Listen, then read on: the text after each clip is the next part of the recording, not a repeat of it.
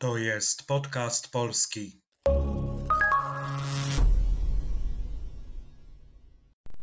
Cześć, e, nazywam się Przemek. Witam w kolejnym odcinku podcastu polskiego. To jest audycja dla tych wszystkich, którzy uczą się polskiego i chcą popracować nad rozumieniem ze słuchu i nad wzbogaceniem słownictwa. Dla tych osób, które chcą mieć kontakt z żywym, mówionym językiem. To jest podcast polski.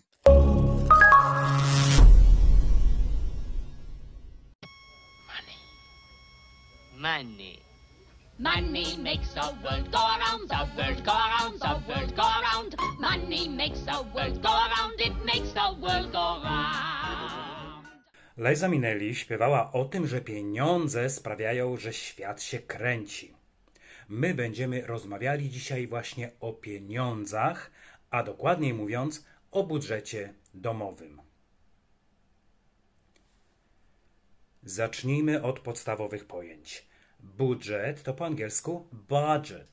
To jest zestawienie dochodów i wydatków za określony czas, na przykład rok, kwartał i tym podobne.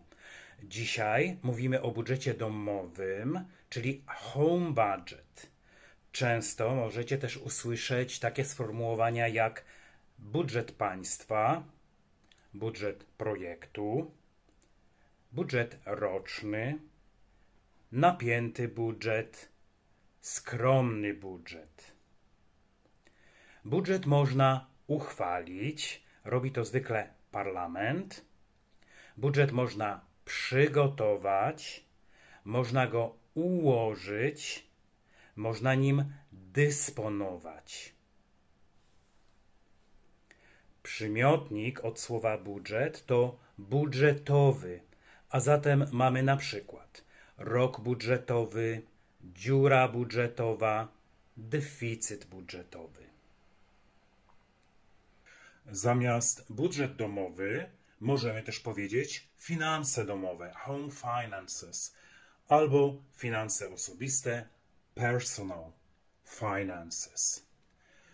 Jak już powiedzieliśmy, budżet składa się z dochodów i wydatków, czyli incomes i expenses. Można też powiedzieć expenditures. Zwykle osobno liczymy przychody i osobno wydatki. Powinny się one równoważyć, to balance. Jeśli tak nie jest, to mówimy o deficycie, deficit. Musimy wtedy go jakoś wyrównać. Zwykle trzeba brakujące pieniądze pożyczyć. Dawniej pożyczało się od kogoś z rodziny. Można też było wziąć pożyczkę, loan, w banku. Kiedyś trzeba było za każdym razem składać wniosek i odpowiednie dokumenty i czekać na decyzję banku. Dzisiaj mamy więcej możliwości w tym zakresie. Obecnie, otwierając konto, możemy wstępnie złożyć wniosek o debet na koncie i co miesiąc z niego korzystać. Na podobnej zasadzie działają karty kredytowe. Nie musimy za każdym razem pytać banku o zgodę. Kupując coś, płacimy kartą i wzięliśmy kredyt. Zazwyczaj mamy pewien okres, w którym korzystamy z tych pieniędzy za darmo. Jednak trzeba pamiętać, że po tym okresie odsetki są zwykle dość wysokie. Jeśli więc spóźnimy się ze spłatą karty, sporo za to zapłacimy. Przydatne słowa i wyrażenia to konto bankowe, bank account, pożyczka, kredyt, loan, credit, pożyczyć, to borrow, to lend. W języku polskim jest jedno słowo, w angielskim dwa. W angielskim to borrow pożyczyć od kogoś, to lend pożyczyć komuś. W języku polskim jedno słowo pożyczyć. Wziąć kredyt, wziąć pożyczkę, to take credit, to take a loan. Spłacać raty, to pay installments. Rata to installment. Spłacić pożyczkę to to pay off the loan. To krótkie off oznacza, że spłacamy y, pożyczkę czy kredyt w całości. Zwróćcie uwagę na różnicę między spłacać a spłacić w języku polskim.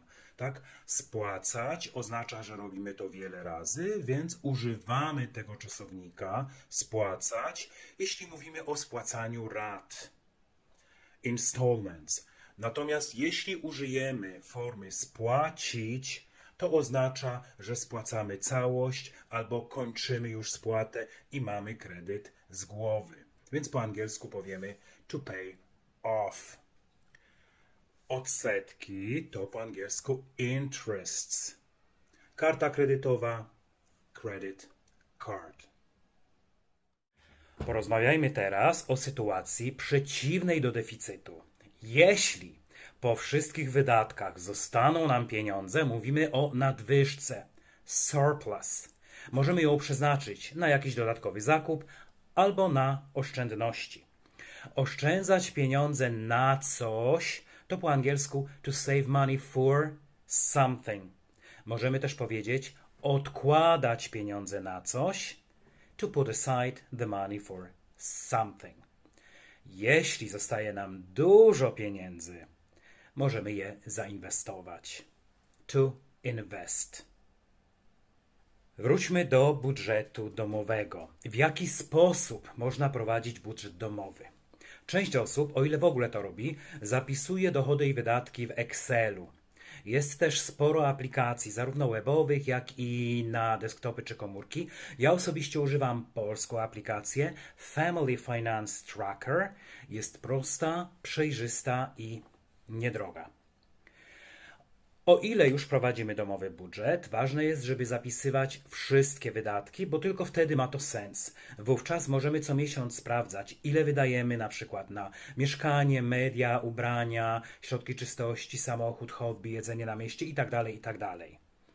Szczegółowość zapisów zależy tylko i wyłącznie od nas. Ja kiedyś miałem znacznie więcej kategorii wydatków niż teraz. Na przykład osobno wpisywałem ubrania, nazwijmy to casual, osobno ubrania sportowe, buty, dodatki. Y, Teraz wszystkie tego typu y, zakupy wpisuję do jednej kategorii. Natomiast dla kogoś innego podział na różne rodzaje zakupów odzieżowych będzie miał większe znaczenie i będzie miał większy podział, bardziej dokładny podział na kategorie czy podkategorie.